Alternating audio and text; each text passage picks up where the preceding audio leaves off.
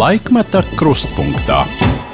Esiet sveicināti Latvijas radio ēterā. Sestdienās skan raidījums Laikmeta krustpunktā.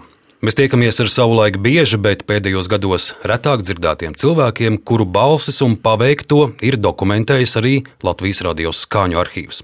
Mēs iztaujājam ļaudis, kuri ir bijuši klāt Latvijas vēsturē svarīgiem notikumiem, un uz kuriem tagad varam paraudzīties jau ar citu skatu un vērtējumu. Jau esam tikušies ar diviem estro, vienu rakstnieci, bijušo valdības vadītāju un saimnes priekšsādātāju. Šodien uz sarunu esmu aicinājis policijas ģenerāli. Mēs neatkāpsimies. Tā augusta puča trauksmainākajā dienā, 91. gada 21. augustā, stāvot pie toreizējās augstākās padomas ēkas, laikrakstam Diena teica Rīgas pilsētas milicijas pārvaldes operatīvās reaģēšanas speciālās nozīmes rotas komandieris Juris Rekšņa. Atjaunotajā Latvijā viņš kļūst par vienu no pirmajiem policijas ģenerāļiem, valsts policijas priekšnieku, iekšlietu ministrijas valsts sekretāru. Un tas ir laiks, kad Latvija piedzīvo tiesneša slepkavību, sprādzienu universālā veikalā centrs, spirta rūpnieku nogalināšanas un citus skaļus noziegumus. Laikmata kruspunktā atvaļinātais policijas ģenerālis Juris Rekšņa. Esiet sveicināti! Labdien! Rekšņš kungs, ko dara ģenerāļi, kad viņi vairs nestrādā policijā? Strādā, strādā, dara citus darbus. Un, teiksim, nu, policija jau tas ir tāds dzīves aicinājums, dzīves stils, bet vienmēr jau tu pie tā piedomā, kad kaut, kad kaut kas viss beidzās. Un neapšaubāmi viena tāda pozitīva lieta policijā ir, ka tu diezgan ātri vari aiziet pensijā. Jā. Un uh, pamēģināt sev citur to, kas tev bijuši bērnības sapņi. Es godīgi sakot, pat nezinu nevienu policistu, kurš tur nostrādājis piecus gadus, desmit. Saka, viss man tas ir pieriebies, es eju prom un es gribu, es sapņoju tur to, to, to. Nu, tad, kad tu aizēji, tev ir visas iespējas sevi izmēģināt pilnīgi citos laukos. Jā. Nav noslēpums, esmu gan uh, Latvijas neatkarīgā televīzijā pastrādājis. Uzreiz tikko aizgāja divus gadus, laikam bija konsultants, padomu devējs un tā tālāk. Kaut gan es smējos, ka nu, mēs visi dzimuši padomu valstī un padomus, protams, dot. Uh, bet uh, tajā pašā laikā arī daudz tādu izaicinājumu un interesantas lietas. Nav jau noslēpums, neviens policijā bagāts nevar kļūt. Jā, un tad jau, nu, tas pirmais ir bizness. Nu, es arī varbūt uz tā nedaudz grābekļu uzkāpu un desmit gadus nostrādāju biznesā. Nu, par jūsu biznesa pusi runājot, viens stāsts ir par lidostu tukums, ja jūrmālas pirms, pirms, pirms, vēl pirms, pirms, un savs biznes, tas ir Tur ir biznesā arī dažādas atšķirīgas šīs pakāpes. Nu, ar savu biznesu, jā, tā ir tas ir apsardzes biznes, jā, apsardzes biznes. Nu, sāku ar četriem cilvēkiem. Nonāca līdz 600. Jā, nu, kaut gan apsardzes biznesā nu, svarīgākais ir tas brands jā, un vārds un tā tālāk. Jā, bet nu, ļoti interesanti, ka tu esi valsts pārvaldē, un pēc tam pārēju uz to otru pusi, uz to biznesu, un atkal no biznesa viedokļa skaties uz tiem lēmumiem, ko valsts pārvalda, un to salikt kopā ir ļoti interesanti. Gadās gan tādas pats situācijas, nu, kas tas par likumu, kas tas par idiotismu, un tad tu paskaties, kas viņu ir akceptējis, un kad tu esi pats uzlicis tur parakstu, un tad tāda nervos smiekliņa parādās. Ar jā. lidos tukums jums vēl ir saistība? Nē, vairs nav. vairs nav, jau gadus divus nav nav, ja ne vairāk, divi pusi kaut kur laikam, vai trīs. Nākošais, tu gribēji kļūt lidotājs, nu tad bija lidos tukums. Jā. Diemžēl tas projekts, nu, dažādu iemeslu dēļ, subjektīvi, objektīvi viņš bremzējās. Nu, var jau strādāt, bet, ja tu neredzi rezultātu, kad lidostā lidmašīnas nelido, Nu, es palūkojos viņa mājaslapā. Vienīgā informācija, kas tur ir, ka viņš šobrīd pārdod vienu vecu krievu lidmašīnu ilu un izīrē telpas banketiem. nu jā. Tāpēc Un es vaicāju, vai jūs tur vēl esat saistīti vai neesat. Nē, nu, mērķis bija to, ka palaist viņu kā otru lidostu un ka viņi darbojās un ka tas ir tiešām reāls un skaists biznes un, godīgi sakot, Līdz šim laikam nesaprotu, kāpēc Latvijā šī lidostas nedarbojās, jo viņi vienkārši fantastiski jau viņai. Viņa daudz ko varētu izdarīt. Nu, labi, šeit pa vidam Covid un viss to nu, mēs saprotam, jā, bet diemžēl pirms tam viņa diezgan daudz tika bremzēta. Mēs eh, šodien sarunā daudz pieminēsim jūsu policijas gados pieredzēto par eh, ģenerāļu formu. Tā jums vēl ir eh, skapī, goda vietā, vai atminaties, kad pēdējo reizi ir uzvilkta? Pēdējo reizi uzvilkta tad, laikam, kad strādāju, pēc tam vairāk es neesmu vilcis, jā, kaut gan ā, likumdošana mums ģenerāļiem atļauja svētkos formu uzvilkt, bet, nu, es kaut kā arī figūras pēcvers viņā ne, netieku Būtu iekšā. jāpāršuj, ja? Jā, būtu stipri, stipri jāpāršuj. Tā kā tā, kā tā un viņa ir skapi un, tiksim, bērniem, kur paskatīties. Cik daudz sekoja tam, kas šobrīd notiek ar uh, iekšējo drošību valstī, ar uh, notikumiem, norisēm? Policijā ir gan notikumi, par kuriem policija var lepoties, atklāti noziegumi, ir arī notikumi, par kuriem uh, ir, tā var teikt, kauns arī ir skaļas. Aizturēšanas arī lielu policijas priekšnieku vidū. Kā jūs uz to tagad raugaties? Vilku cik nebaro, viņš vienalga uz mežu skatās. Nu, gluži tāpat nu, es jau nevaru atmest tos 30 gadus savas dzīves un pateikt, fū, es tagad neinteresējos, man tas galīgi neinteresē. Nu, dabīgi, ka sekoja līdzi un tāpat tās ar saviem bijušiem uh, kolēģiem tiekos ar tiem, kas tiekos ar tiem, kas strādā šeit tad nebieži, gan tagad Covid mums iztraucējis, bet nu, mums savas tradīcijas, iekšlietu sistēma stipra ar tradīcijām ir. Tā kā ir tās svētku reizes, varbūt arī kāda skumju brīža reizes, tās ir obligāts, ka mēs visi satiekamies, pārdomājam. Bet dabīgi, ka skatoties no malas, nu, es varu teikt, ka par šiem gadiem nu, policija fantastiski izaugusi. Un otrs situācija Latvijā, mēs jau to tā nejūtam. Tas ir tā kā jūs aizbrauciet atvaļinājumā kaut kur, izbraukājat pēc mēneša, atgriežaties galvaspilsētā vai Rīgā un sakiet, wow! cik tā Rīga ir skaista, cik viņa ir tīra un tā tālāk, kā- kamēr sēžat šeit, lamājat. Tas nav tā un šis nav tā. Tāpat tas ir laikam ar policiju, nu, salīdzinoši ar tiem laikiem, kad es strādāju. Slepkavības, sprādzieni, laupīšanas. Nu, katra diena ir uh,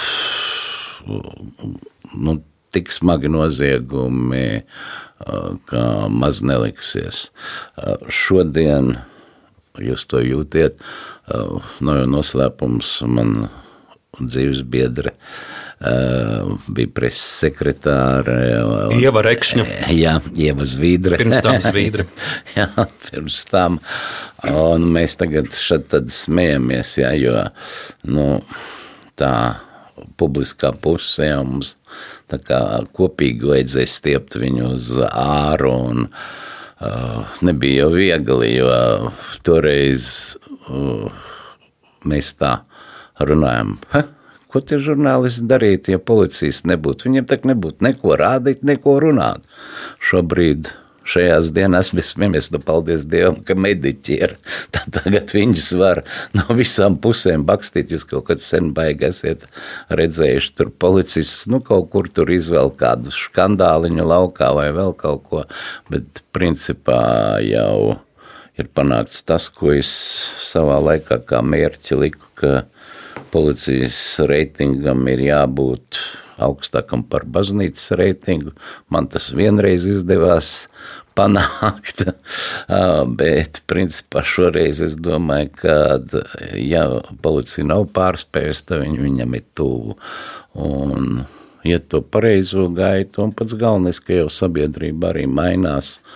Un tas, mēs to noziedzības līmeni, noziedzību vispār kā tādu nu, jūtam, bet tad mēs šausmīgi skandalējam. Jā, tā ir drausmīga traģēdija, ka tur kaut kam ir pa seju dabūts vēl kaut kas, bet tā, ja mēs visi jau aiziet salīdzinājumos, jā, ja mēs salīdzinām to, kas bija 90. gadi, tāda, tās divas atšķirīgas lietas, kā saka Odessa. Jūs minējāt uh, sabiedrības uzticību policijai, kārtības sargiem, un tā patiesi gadu garumā ir gan augsta, bet ir arī tādi melnie traipi un ir uh, vairāk augstu stāvošu policijas amatpersonu aizturēšanas bijušas, uh, diezgan smagas apsūdzības par koruptīviem noziegumiem. Diemžēl arī, arī šajās dienās, šajos pēdējos gados tādas lietas ir. Neapšaubāmi, bet nu, tas ir saprotams lietas. Mēs ar to neatšķiramies ne ar ko citu. Es domāju, ka arī citās profesijās ir līdzīgi. Ja, nu, vienmēr ir kaut kāda melnā auss un tā tālāk. Tikai es parasti arī teiksim, tas pats bija tajos laikos, kad es vadīju policiju, es vienmēr uzdevu jautājumu, bet uh, kuri tad ir tie, kas atklāja to, kas viņus noķer?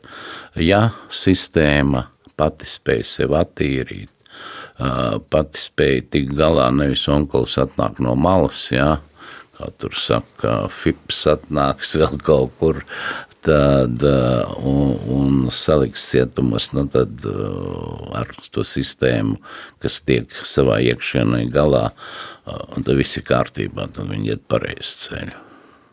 Jums bija iespēja būt par kārtības sargu gan padomju gados, kā milicim, gan arī jau atjaunotās Latvijas policijā.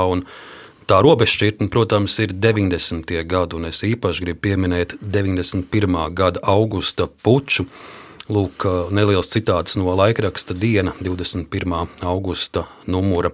Šodien īsa pēc pulksten 21. vakarā pie Latvijas Republikas augstākās padomas ēkas to aizstāvēt ieradās Rīgas pilsētas milicijas pārvaldes operatīvās reaģēšanas rotas darbinieki. Mēs neatkāpsimies, tā dienai saka šīs rotas komandieris milicijas kapteinis Juris Rekšņa. Jā, tāds bija. Bet katrā gadījumā visas šīs lietas nesākās 91. gadā. Jā. Tiksim, nu, tāda politiskā darbība bija iekšā milicijā, un visā sākās 86. gads rakstnieku savienības kongress.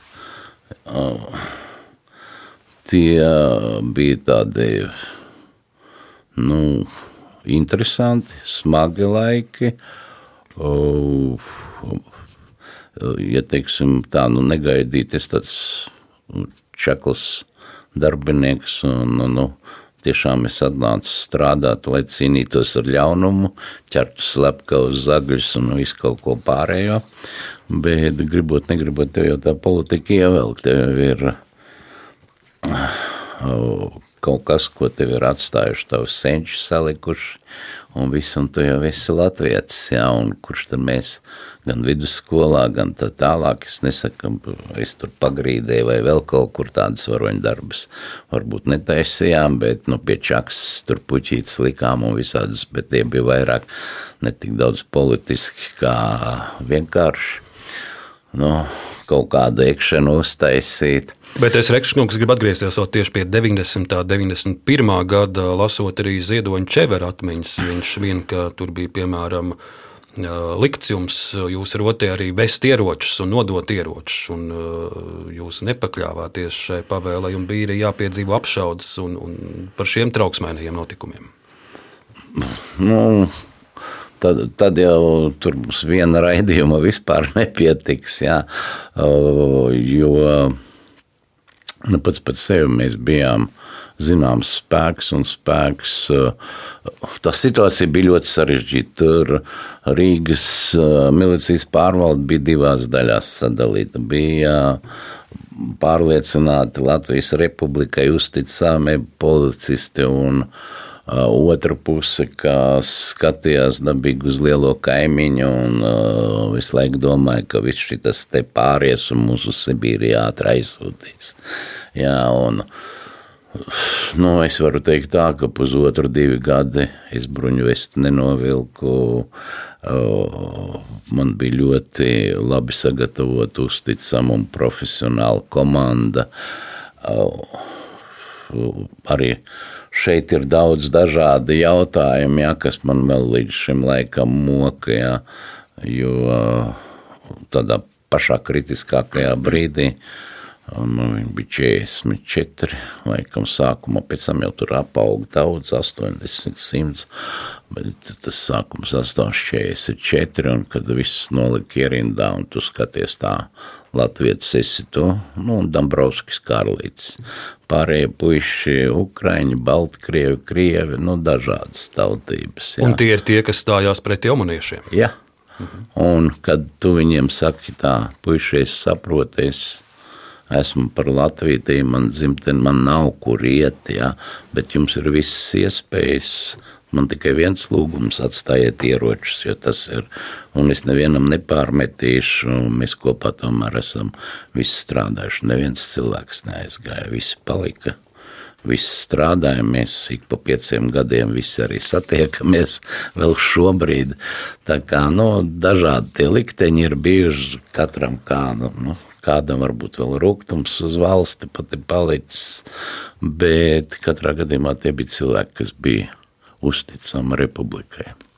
Nenožēlojot nevienu dienu, nevienu stundu, nevienu minūti, toreiz stāvot, arī riskējot ar savu dzīvību, bet arī zinot, kā gadu laikā dzīve pie mums attīstījās un kā daudz lietas pavērsās. Katrā gadījumā, ja man tas būtu otrais jāiziet, es to pašu darītu otrais. Ja, to es pilnīgi viennozīmīgi uh, pasaku. Un, saprotiet, ir jau kā tas man daudz kas nepatīk, kas mums notiek.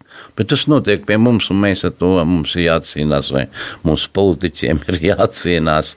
Nu, es esmu šajā 91. gadā, es esmu karavīrs. Mans uzdevums ir aizstāvēt valsti, un es to izdarīju tā, kā es pratu.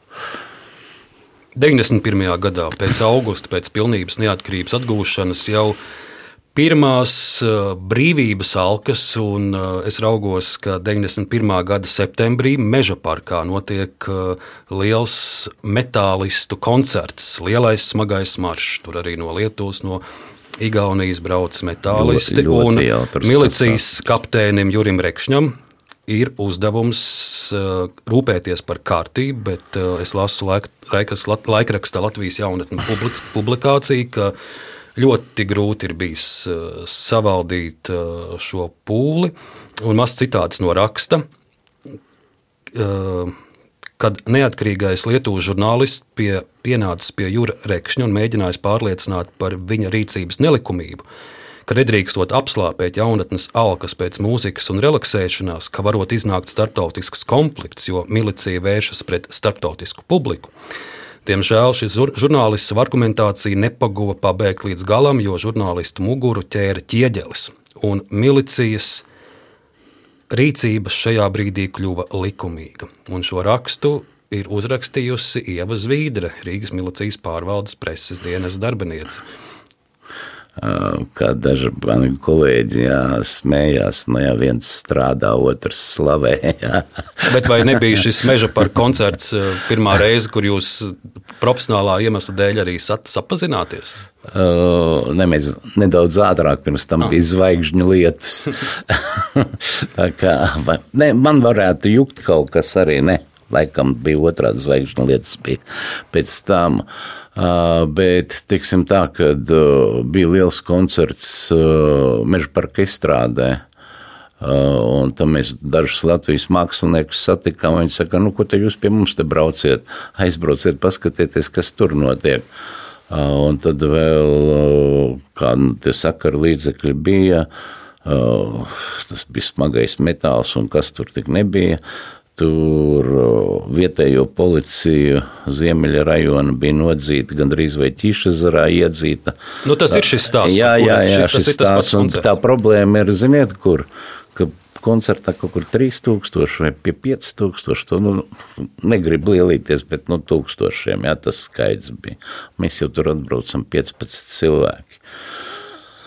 Un tas lielākais gandarījums jau bija, ka mēs tā skaisti, man gan pārsita Es izskatījos ļoti briesmīgs, bet ar to arī iespaidīgs, jo bija ķiveri un man pa ķiveri trāpīja pudele un lauska pārsit uzacis. Un, kā jūs zināt, uzacis ļoti asiņo. Un, tā es ar savu asiņainu ģīmi, viss, kas ir asinīs, uzkāpa uz estrādes un ļoti emocionālu runu pateica. Tad iedomājieties, mēs 15 cilvēku visu to masu gan uz staciju, kur tur lietuviešiem stacija, autoostu un visu, un tikām, tikām galā. Bez... Un tas viss, tas viss vien mēnesi pēc augusta puča. Jā, un tā, tāda brīvība. Vēl, vēl padomājiet, ka tajā dienā Omons brauc ārā, un viņa, viņš Uh, uzdevums viņiem bija vai viena no domām uzbrukt Latvijas Republikas prokuratūrai un savākt uh, visu dokumentāciju, visas krimināla lietas, kas pret viņiem ierosināts.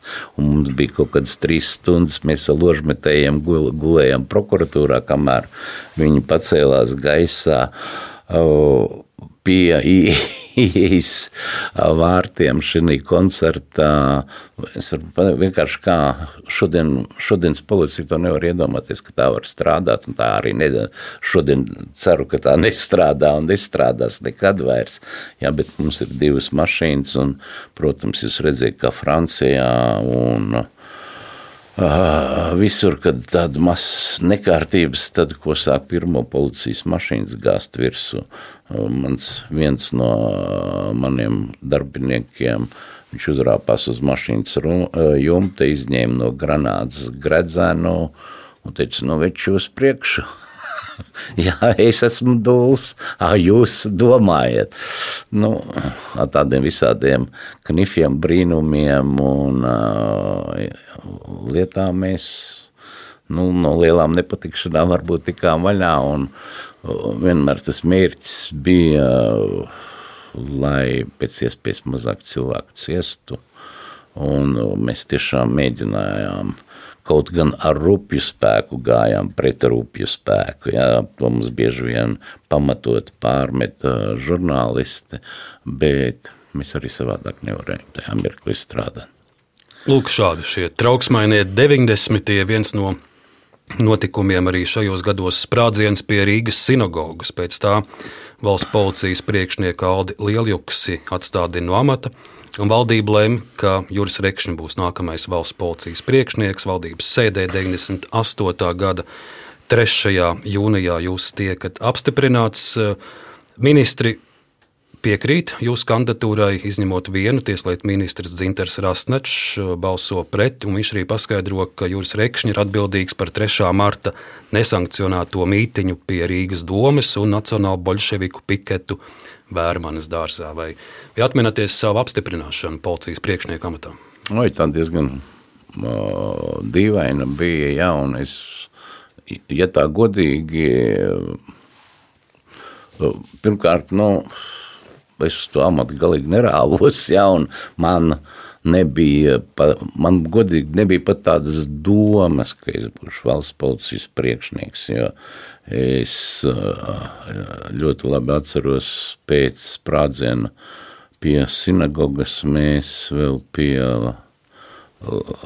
Lielajukša atnācām un runājām. Un viņš saka, ka nu, man tā kā mēģinās bakstīt, un es biju viens no tiem, kas teica, Aldi, nu beidz, nu kas tev aiztiks, jā, un tā diezgan interesanti sanāca, ka pēc divām vai trijām nedēļām es atnācu tur strādāt viņa vietā, jā.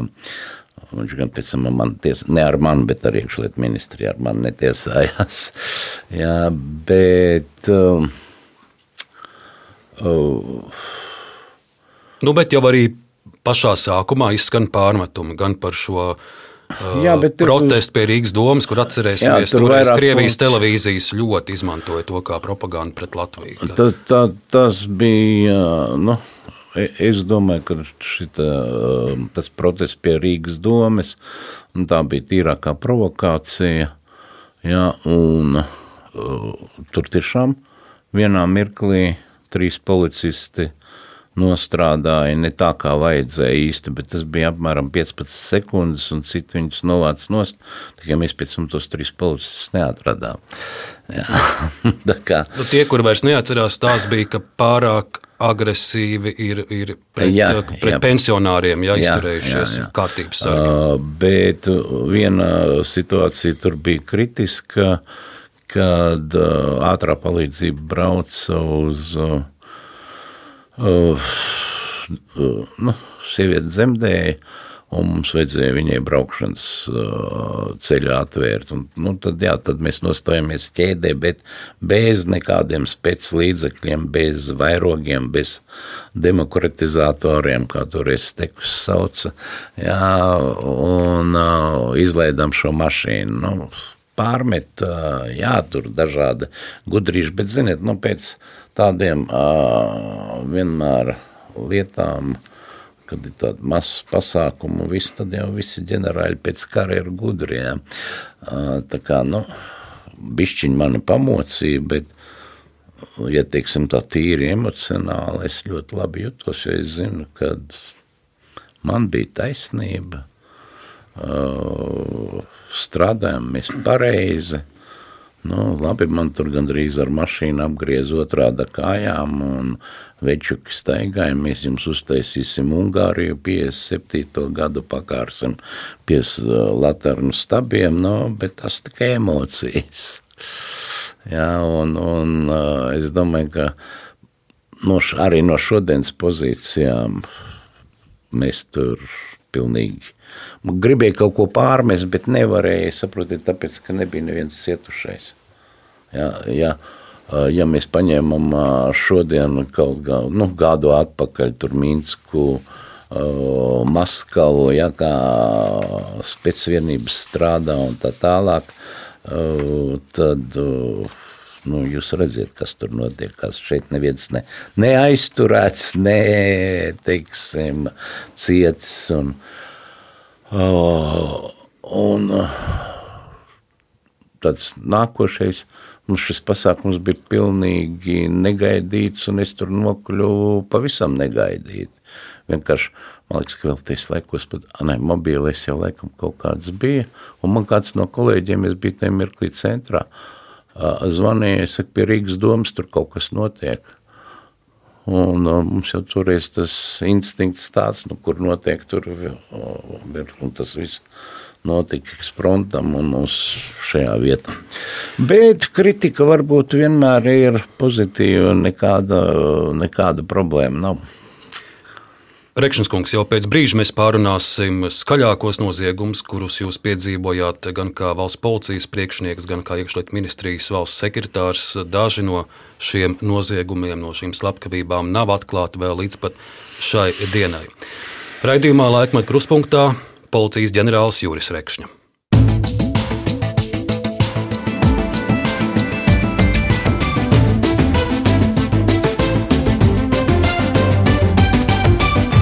Laikmeta krustpunktā.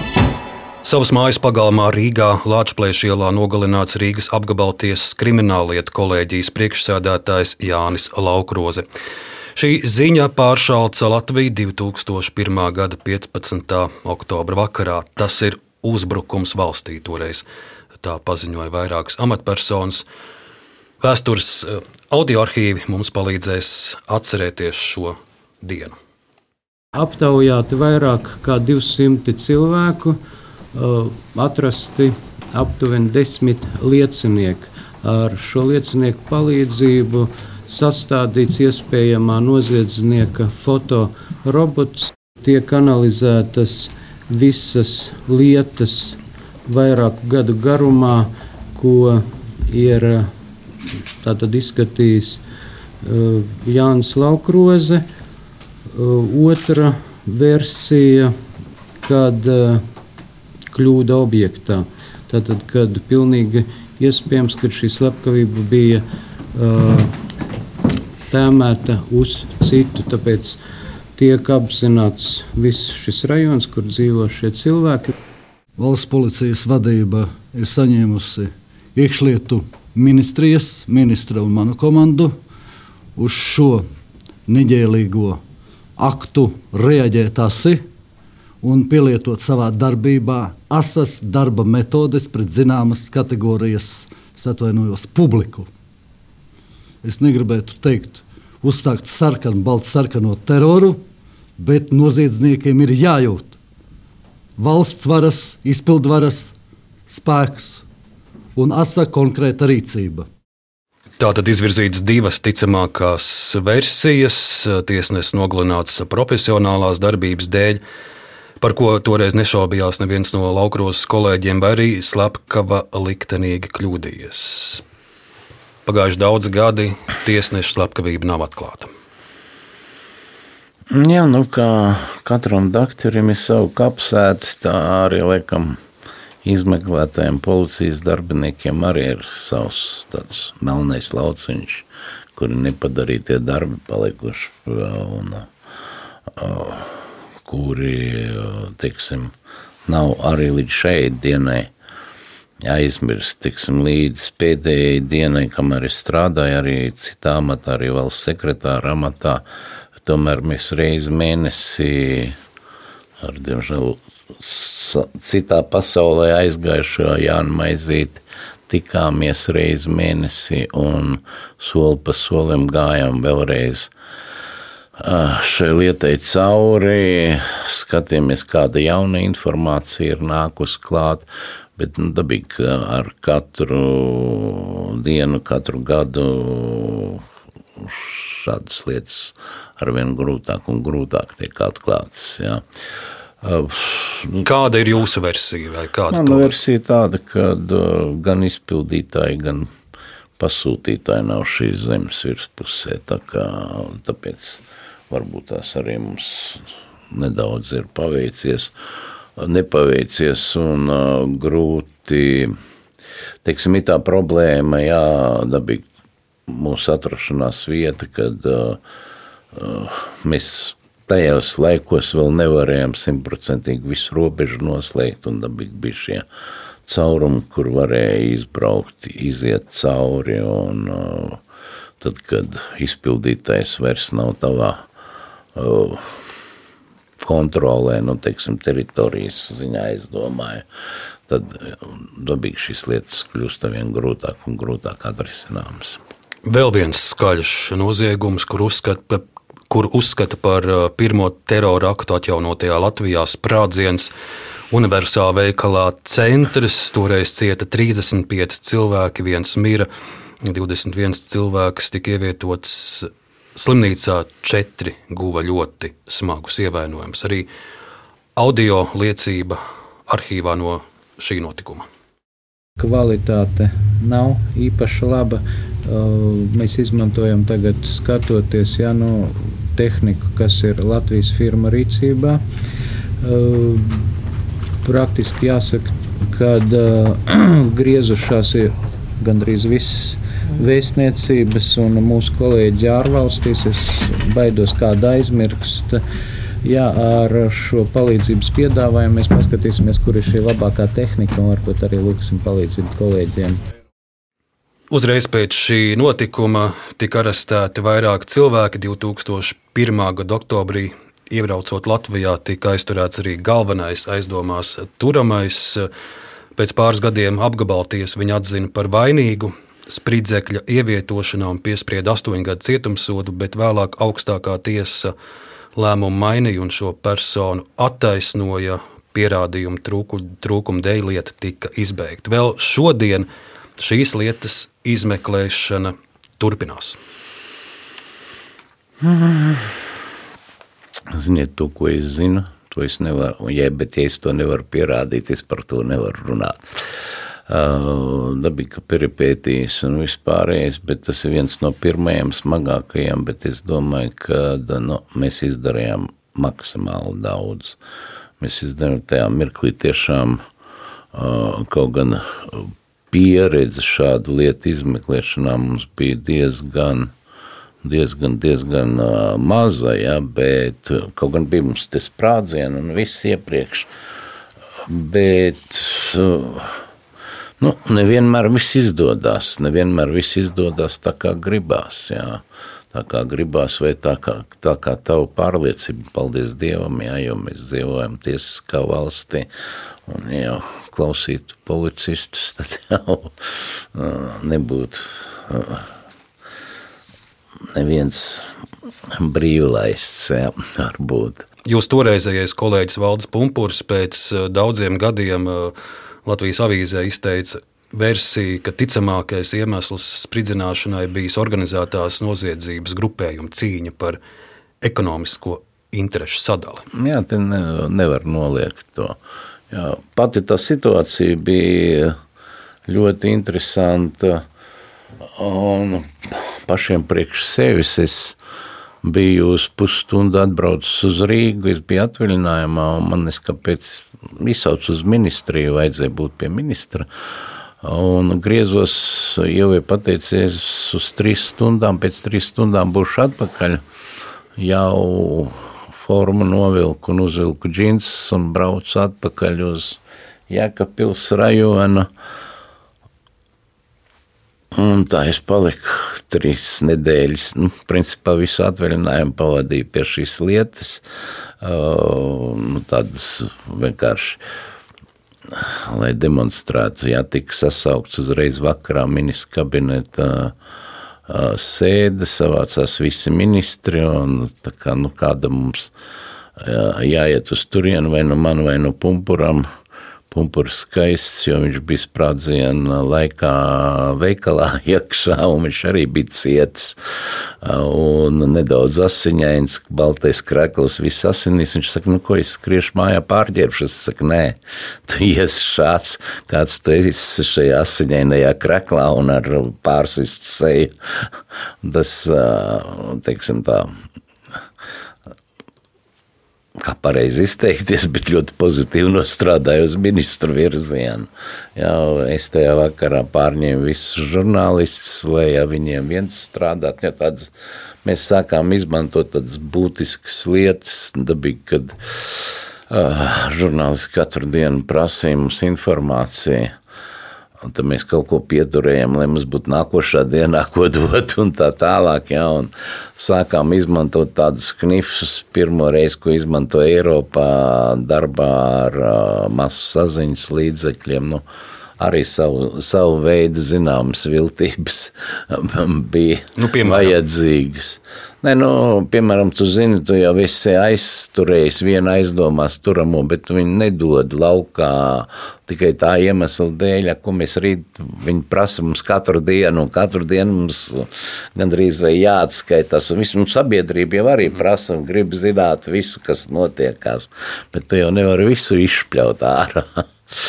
Liela rezonanse 90. beigās, 2000. sākumā bija arī saistībā ar vairākām spirta rūpnieku slepkavībām, un arī jums esot amatā, vajadzēja vairākas no tām šķetināt spirta uzņēmēja dēņa Peimaņa slepkavības izmeklēšanu, pirms tam arī spirta rūpnieku Arņas Čestera slepkavību un Māra Millera slepkavības mēģinājums. Tātad Peimans ar vairākiem šāvieniem tika noslapkavots 2000. gada 15. decembrī, kad atradās savā automašīnā ceļā uz Rīgu. Un, uh, Toreiz jūsu kolēģis Valdis Punkurs intervijā Latvijas televīzijai saka, ka policijas darbiniekiem izmeklējot šo slepkavību pietrūcis degvielas, tāpēc daļa speciālistu nav varējuši apmeklēt slepkavības vietu Talsu rajonā. At, arī, lai atcerētos šo noziegumu, arī neliels audio fragments. Šodien es jums pateicu, to, kas šajās krimināllietās konkrēti ir izdarīts. Ja kāds uzskata, ka ir maz, nu tad lai iespļauj man sejā. Neapšaubāmi ir ieinteresētas personas, kas grib bremzēt šo izmeklēšanu, grib radīt dažādus šķēršļus un tiek piemērotas visdažādākās metodes. Sākot no tā, ka no krimināla aprindām uh, anonīmi pats par sevi tas notiek, notiek draudi policijas darbiniekiem, viņu ģimenes locekļiem.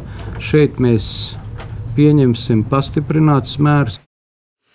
Pēmaņa lietas izmeklēšanā jau drīz vien noskaidrojās, ka slepkavības izpildītājs pats neilgi pēc tam tika nošauts. Vēlāk arī par līdzdalību tika notiesātas divas personas. Nu, tās bija smagas slepkavības, smagas un tiksim, ne, ne tik vienkārši atklājams. Jā, un, un arī tādas pārdrošas. Jā, vienā un, gadījumā bija arī uh, upurim dēls blakus mašīnai. Pēmanim tas bija blakus dēls. Jā, nu, viņas bija pārdomātas. Uh, klas, klasiskā veidā izpildītas slepkavības, jā, bet uh, nu, tik viegli viņas negāja. Tik viegli viņas negāja, bet kur bija rezultāts, diemžēl šķestars slepkavībām laikam tikai izpildītājs, uh, pasūtītāja šādas tādas domas ir, bet tas ir tie jautājumi.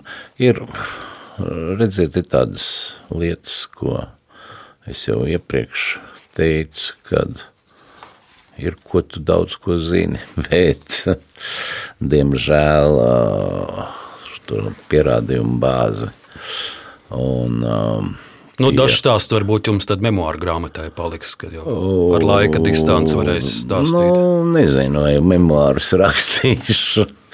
Nē, es pārliecināts par to. Paralēli nozieguma izmeklēšanai, protams, ir arī politika, lielā politika, jo arī politiķiem ir dažādas intereses gan par izmeklēšanām, gan par amatiem un dažādos Politiskajos jūkļos esat ierauts arī jūs, un arī par to liecina audio liecības. Lūk, ir viens stāsts, kur Juris Rekšana dodas uz Rīgas pili pie prezidents Vīts Freibergas, lūdzot aizstāvību pret ministru Jēkabsonu. Paklausīsimies!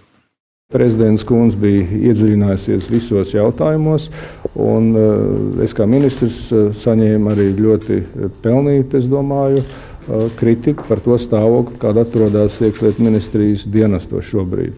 Un, protams, mēs runājam gan par kriminālu procesu likumu, ko aizvien ir grūti ieviest, gan arī par administratīvo pārkāpumu likumu, gan arī par visu šo situāciju, kas skar policistu aiziešanu no policijas.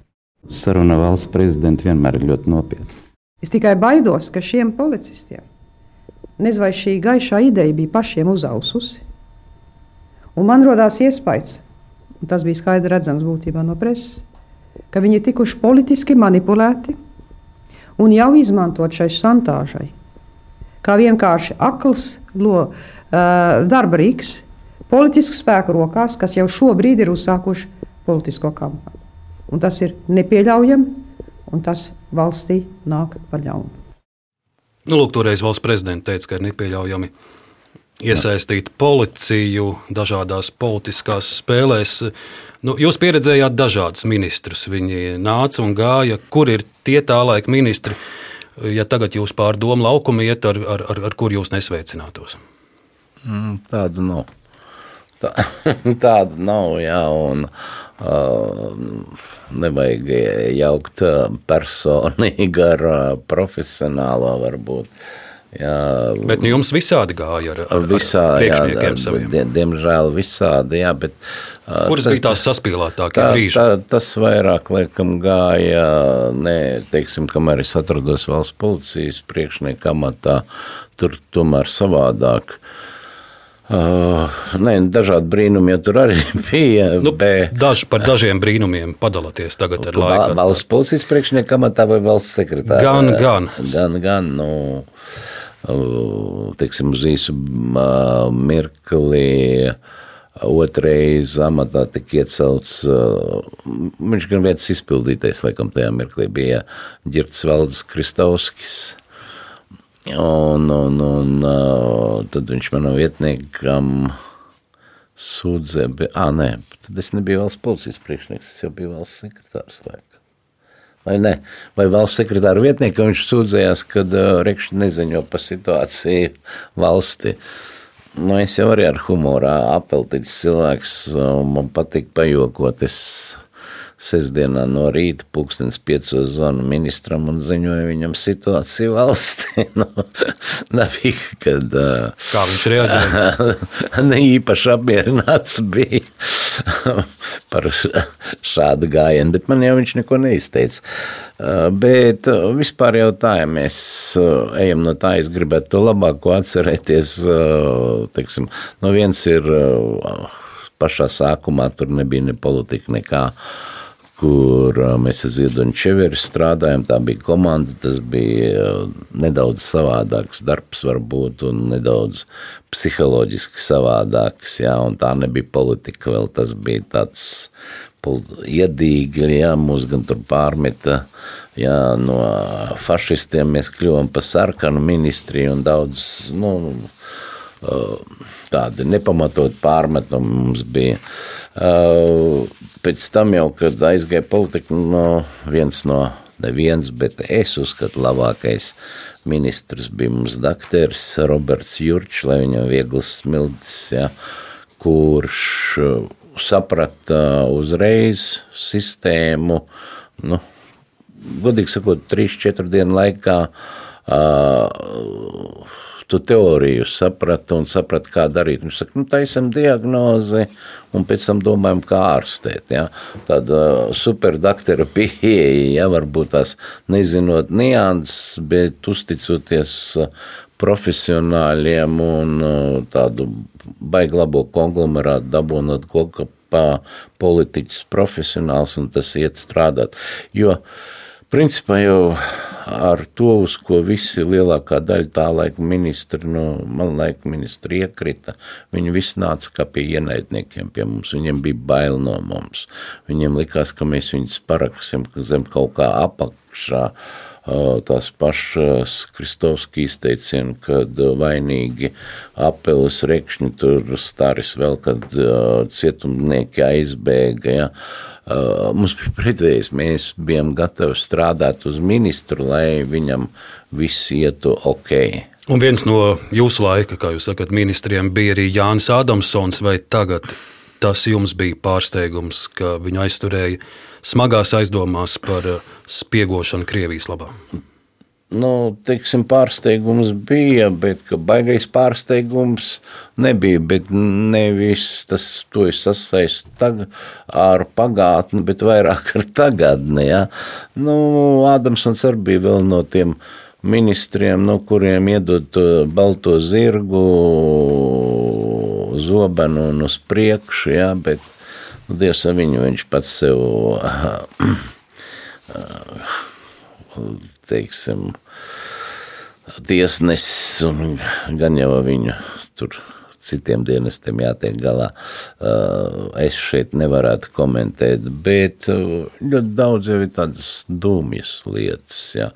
Un, teiksim, neveiksmīgi man sākās sadarbība ar Gulbi, uh, Jā, pēc tam gulbi nomainīja Jaunžēkers, pēc, ne, gulbi nomainīja Jēkabsons, uh, it kā pirmos divus gadus mēs ļoti labi strādājām, pusotra gada, un tur sanāca kaut kā nedaudz. Viņam pašaut pāri strīpai šo to un uh, pieņemt šos nepareizos lēmumus, kur tie policisti uz ielas bija un visu, un pēc tam, kad atnāca Jaunžekers, un te var savilkt kopā visām tām sarunām, kas tagad, tad es sapratu, ka, ja es trešo ministru salikšos, tas vienkārši kļūšu smieklīgs latviešu tautai. un, kad pietiek šo darbu darīt, jā. Un, un jūs iesniedzāt atlūgumu? Jā, jo, nu jāizdara tā, kā tavs sirds jūt, nevis tā, kā uh, grib politiķi pie tām. Nu, dabīgi, kad ne jau Es absolūti nesaku, ka pilnīga mana taisnība visur un viss man arī uh, savi āķīši ir un uh, nu, nevarēs tā piekāpties. Tas daļa latgaļu raksturs nu, vispirms runga un pēc tam domā. Rekšņkungs, jūs mums palīdzējāt palūkoties uz notikumiem salīdzinoši nesenā vēsturē, pirms 20, 30 gadiem. Es jūs tagad mudināšu ieskatīties vēl tālākā pagātnē. Pati pirmā publikācija presē, kur ir pieminēts Jūra Rekšņas vārds, ir 1972. gads laikraksts Rīgas balss. Un uh, raksta nosaukums gaidot pionieru organizācijas 50. gada dienu. Lūk, mazs citāts. Rīgas 38. astoņgadīgās skolas Zentas Ozols pionieru vienībā ir senas labas novatpētniecības tradīcijas. Ienācēji pārsteidz skolas zāli, kas drīzāk atgādina muzeju, tur ir vairāk nekā 20 stendu. Skolas pionieru vienībā aug daudzi novatpētniecības darba entuziasti, novatpētniecības un turisma sektoru vada Juris Folkmans no 7. B un Juris Rekšņa no 6. A klases. Vēsture un viss, kas ar to sakarā ir mazā jūra sirdslieta.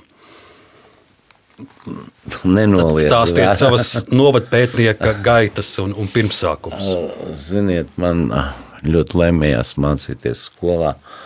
Toreiz tā bija 38, 8 gadīgā skola. Un tā ir skola, kur jūsu mamma arī bija skolotāja. Jā, jā, un mācīja pārzinu vienu laiku pēc tam dēļ huligāna jūra viņai nācās pāriet uz citu skolu. Nē, nu, tas es vairāk jokoju. Bet, tiksim, tā vēsture bija tāda ļoti interesanta. Tas ir viens un otrs. Šodien, laikam, jauniešam tas tā nesaprotam varētu būt, bet mums skolā kurinātājs bija latviešu strēlnieks, Siļķēns.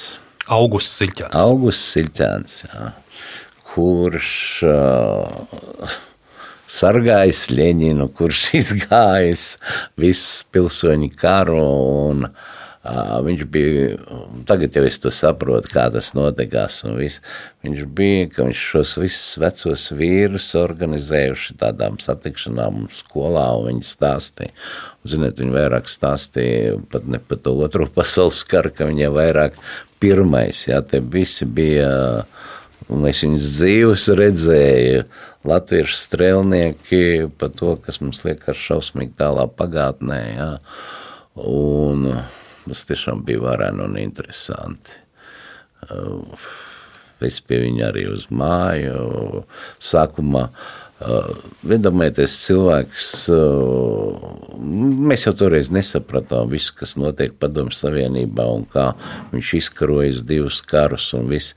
Viņam nav dzīvoklis, viņš dzīvo skolas pagrabā, kurina skolu, tāpēc viņi tikai tur. Nu, un tad Es mācījos, laikam, jau kaut kādā 7. vai 8. klasē, un tad viņam ķēngara gāra sieva iedeva vienu istabu dzīvokli, un tad mēs pie viņa ciemos bijām kafiju dzērām, bambongas ēdām, un tā tālāk tas bija, nu, ļoti interesanti šos cilvēkus dzīvus redzēt, skatīties uz viņu orģeni, ordeņiem, kur uh, mums tā nu, krusti, krusti, krusti, tie visi jūra krusti, kas no cara saņemti apbalvojumi par cīņām, tādām, pa ko mums liekas, ka ledus kaujas šodien. Jūs, jūs atcerējāties Pirmo pasaules kara un tā laika notikumu aculieciniekus, uh, bet uh, jums ģimenē bija iespēja arī daudz personiskāk uzzināt par Otro pasaules karu. Jūsu Jā. tēvs Antons Rekšņa kopā ar savu brāli piedalījās Otrajā pasaules karā. Kā, kā jaunieši viņi bija Aglonas gimnāzijas audzēkņi, bet uh, kā paši vēlāk atmiņās raksta, jau Ulmaņa laikos bijuši arī ir kā nelegālie komjaunieši, un kara gados jūsu tēvs iesaistījās komunistiskās pretošanās kustībā, bija partizānu vienības Daugavietis komisārs. Arī atmiņās raksta, ka bijuši dažādi uzdevumi, kā izpletņu lēcējiem. Cik daudz ar tēvu jūs pārunājāt viņa kara gaitas? Jūs tēvs vēlāk savā atmiņās ir teicis, ka runājot par Otro pasaules karu, Tur karoja ne komunisti un ne fašisti. tās izvēles, kādas no kurām toreiz bija, bet eh, visiem svarīgākā bija Latvija. Tā viņš rakstīja, bet cik daudz viņš savas kara gaitas ar jums pārunāja, cik daudz jūs izprašņājāt? Nu, teiksim, mums ar tēvu, diemžēl, nebija tādas tās tuvākās attiecības, jā, jo, principā, es piedzimu un viņa ar mammu katru savu ceļu aizgāja, bet, nu, pēc tam jau uz vecumu laikam mēs tikāmies, apcēlījos viņu, ka, ka viņš kāds viņš sarkanais partizāns bandīts. bet, nu, tur ir arī stāsti par dažādām diversijām. Ir. Jā, bet tajā pašā laikā, nu, palasot tās viņa grāmatas, nu, ir man tā no ar humoru, es varu teikt, es saku, nu, tu zini, es lasīju to tavu grāmatu, kur jūs tos vāciešu vilcienus ar tankiem spridzinājāt, un ka tev tas pēdējais vagons gandrīz uzkrita virsū. Es saku, man stīvas kājas palika, viņš saka, tu ko pa mani tā pārdzīvot sāc? Es saku, nē, es pa sevi pārdzīvoju, es varēju nepiedzimt. kā, Bet jūs tēvs nodzīvoja garu, garu, garu mūžu, un daudz ko. 94 gados, jā, viņš zinātnieks, 94 gados uh, pamet šo sauli. Jā, bet nu, katram jau tas liktenis, redziet, mācījās par mācītāju, pa, teiksim, garīgā seminārā.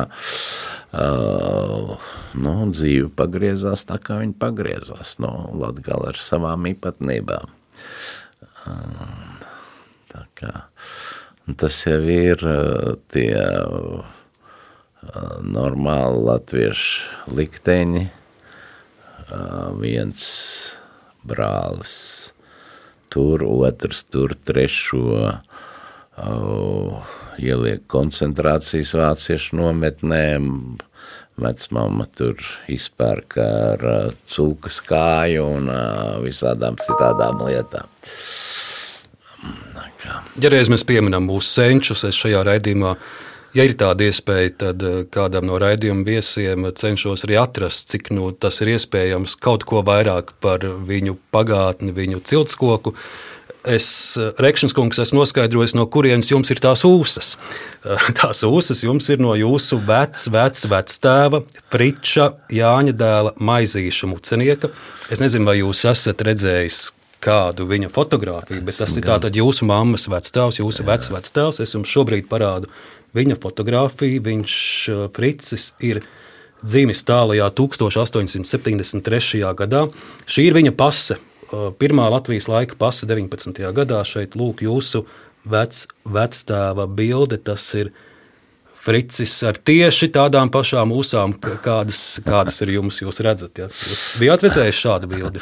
Šādu nebišķi savādāku. Man ir cita apliecība viņa. Un šeit ir jūsu vec, vec, vecmama Cecīlija nāk no tausā priņķa, zemītes pagasta. Lūk, tāda ir jūsu vec, vecmāma arī no 19. gada pases. Un redziet, kā, cik dzīvē interesanti. Es esmu šausmīgs sēņotājs. Un pēdējos 20 gadus man uz zemītes pagastu velku sēņot, un pilnīgi es to pat to faktu nezināju. Kad, Ka jūs senči nāk no zemītes pagastu? Nu, Tagad, tagad kaut kur pēdējos gados es to uzzināju. Tur ir lielākā daļa jūsu koka ir no, no zemītes. Jā.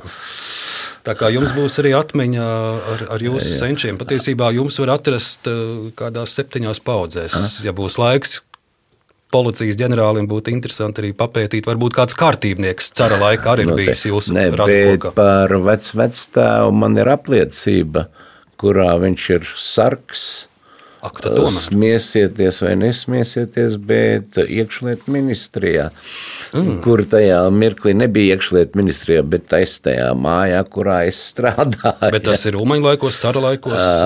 Cara laikos. Pirms Ulmaņa laikiem.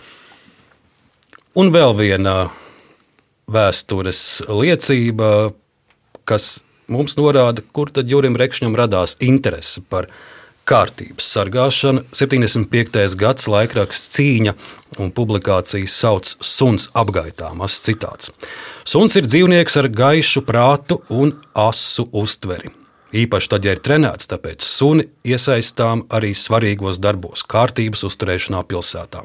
Oktobra rajona milicijas daļa Igora Kupra vadībā sameklē cilvēkus, kas brīvprātīgi ar saviem suņiem vakaros dežūrē milicijā. Tie ir skolotāji, strādnieki, inženieri, mājsaimnieces. Rīgas 73. vidusskolas 9. klases audzēknis Juris Rekšņa pagaidām ir praktikants, bet arī viņš palīdz milicijai patrulēt. Kad jaunietim paliks 18, viņam izdos apliecību par suņa dresētāja amatieru specialitātes apgūšanu. Vai Juris Rekšņa, kad palika 18, saņēma šo apliecību un pastāstiet par savām kārtības gaitām. Kā sauc jūsu sunu to laiku? Sunu sauc Lana. Tāpēc es smējos strečam vienmēr, jo mēs tur filmējamies diezgan daudz filmās ar viņu, un viņš vienmēr smējās, ka Paulam pastāstīs, kā suni sauc. Bet es toreiz biju ļoti aktīvs, un nu, suņi man visu, visu, visu mūžu ir bijuši arī tagad. Man ir divi suņi, vai, nu, godīgi sakot, ne man, bet manai sievai, tāpēc, ka viņi viņu uzskata par saimnieci, es esmu tikai priekšnieks. Bet kā jums toreiz 9. klasē radās doma ar savu suni doties uz miliciju un Redziet, kopā vakarā patrulēt? Tur ir atkal tāda interesanta vēsture. Tur, iz, vēstur, tur izskan tāds vārds kā Igors Kupra, Jā. kurš, diemžēl, mēnesi atpakaļ arī aizgāja citā saulē. Uh, tas ir pirmais uh, Latvijas valsts policijas priekšnieks. Uh, aiz viņa nāca Aldis Lieljuks un pēc tam. Tā kā redziet, kā mēs. uh, Kā vēsture un laikmets sagā- kopā cilvēkus. Un Igoram uh, tajā laikā bija suns šausmīgi nepaklausīgs, un mēs suņinieki visi meža parkā, tur tāds liels laukums bija, kur tagad uz dziesmu svētkiem ir stāviet. Un mums tur notika treniņi, apmācības un visu, un viņš atnāca pie mums suni mācīt.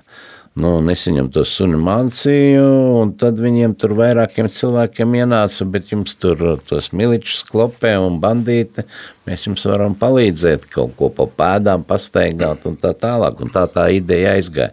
Bet, nu, godīgi sakot, viņi tā baigi nerealizējās dzīvē, jo, nu, dabīgi, nu, es puišels biju, ma- man bija tāda skrobē, ja, kā, nu, tā kā tu aizbrauc tur papatrulēt, bet tu vairāk gaitenī sēdi un gaidi, un tev tad gribās braukt un bandītus ķert. Un, Ar savu lānu jau gribējāt skriet pakaļ bandītiem. Jā, jā. Uh, bet uh, kurš man tur laidīs, jā, tajā vecumā. Nu, tā, bet un kaut kādu, teiksim, ieskats kaut kāds man te toreiz milicijas darbā jā, jau parādījās. Un pats par sevi, no šis krimināla romāns salasījies, vēl kaut ko, nu, bija tas, ka gribu to žuļikus ķert un gribu ar pistoli pa jumtiem skriet. Rekšņs kungs, mēs šodien daudz runājam par drošību, ar cik drošu skatu jūs raugaties Latvijas nākotnē. Ļoti droši. Ļoti droši. Es uh, tiešām es esmu optimists šajā, šajā ziņā. Un, uh, mums pašiem jāstrādā, pašiem jāņemās. Nu, tie ir vārdi, dabīgi, tas ir jautājums darīšanā, bet es domāju, ka viss notiksies. Mēs esam sevi pierādījuši uh, kā varoši, griboši, un viss tas, kas notiek sabiedrībā, mēs jau varam nu, dusmoties, tur ņemties, cepties, bet tie ir normāli procesi. Bez, bez strīdiem, bez kašķiem neviens netiek nekur uz priekšu. Viņiem ir jābūt, galvenais, ka mēs attīstamies un ejam uz priekšu. Neapstāties, un tad jau viss ir ok. Rekšņs kungs, paldies par jūsu atmiņu stāstiem. Paldies, ko darījāt 91. gada augustā pie Latvijas parlamenta. Paldies jums, klausītāji, raidījuma autori Arnēs Krause un Ilza Agīnta par skaņu rūpējās Reinis Budz un Elizabete Šaicānova. Klausieties mūsu sevērtā laikā un vietā arī Latvijas radio mājaslapā un arī visās populārākajās straumēšanas platformās. Turpiniet klausīties Latvijas radio.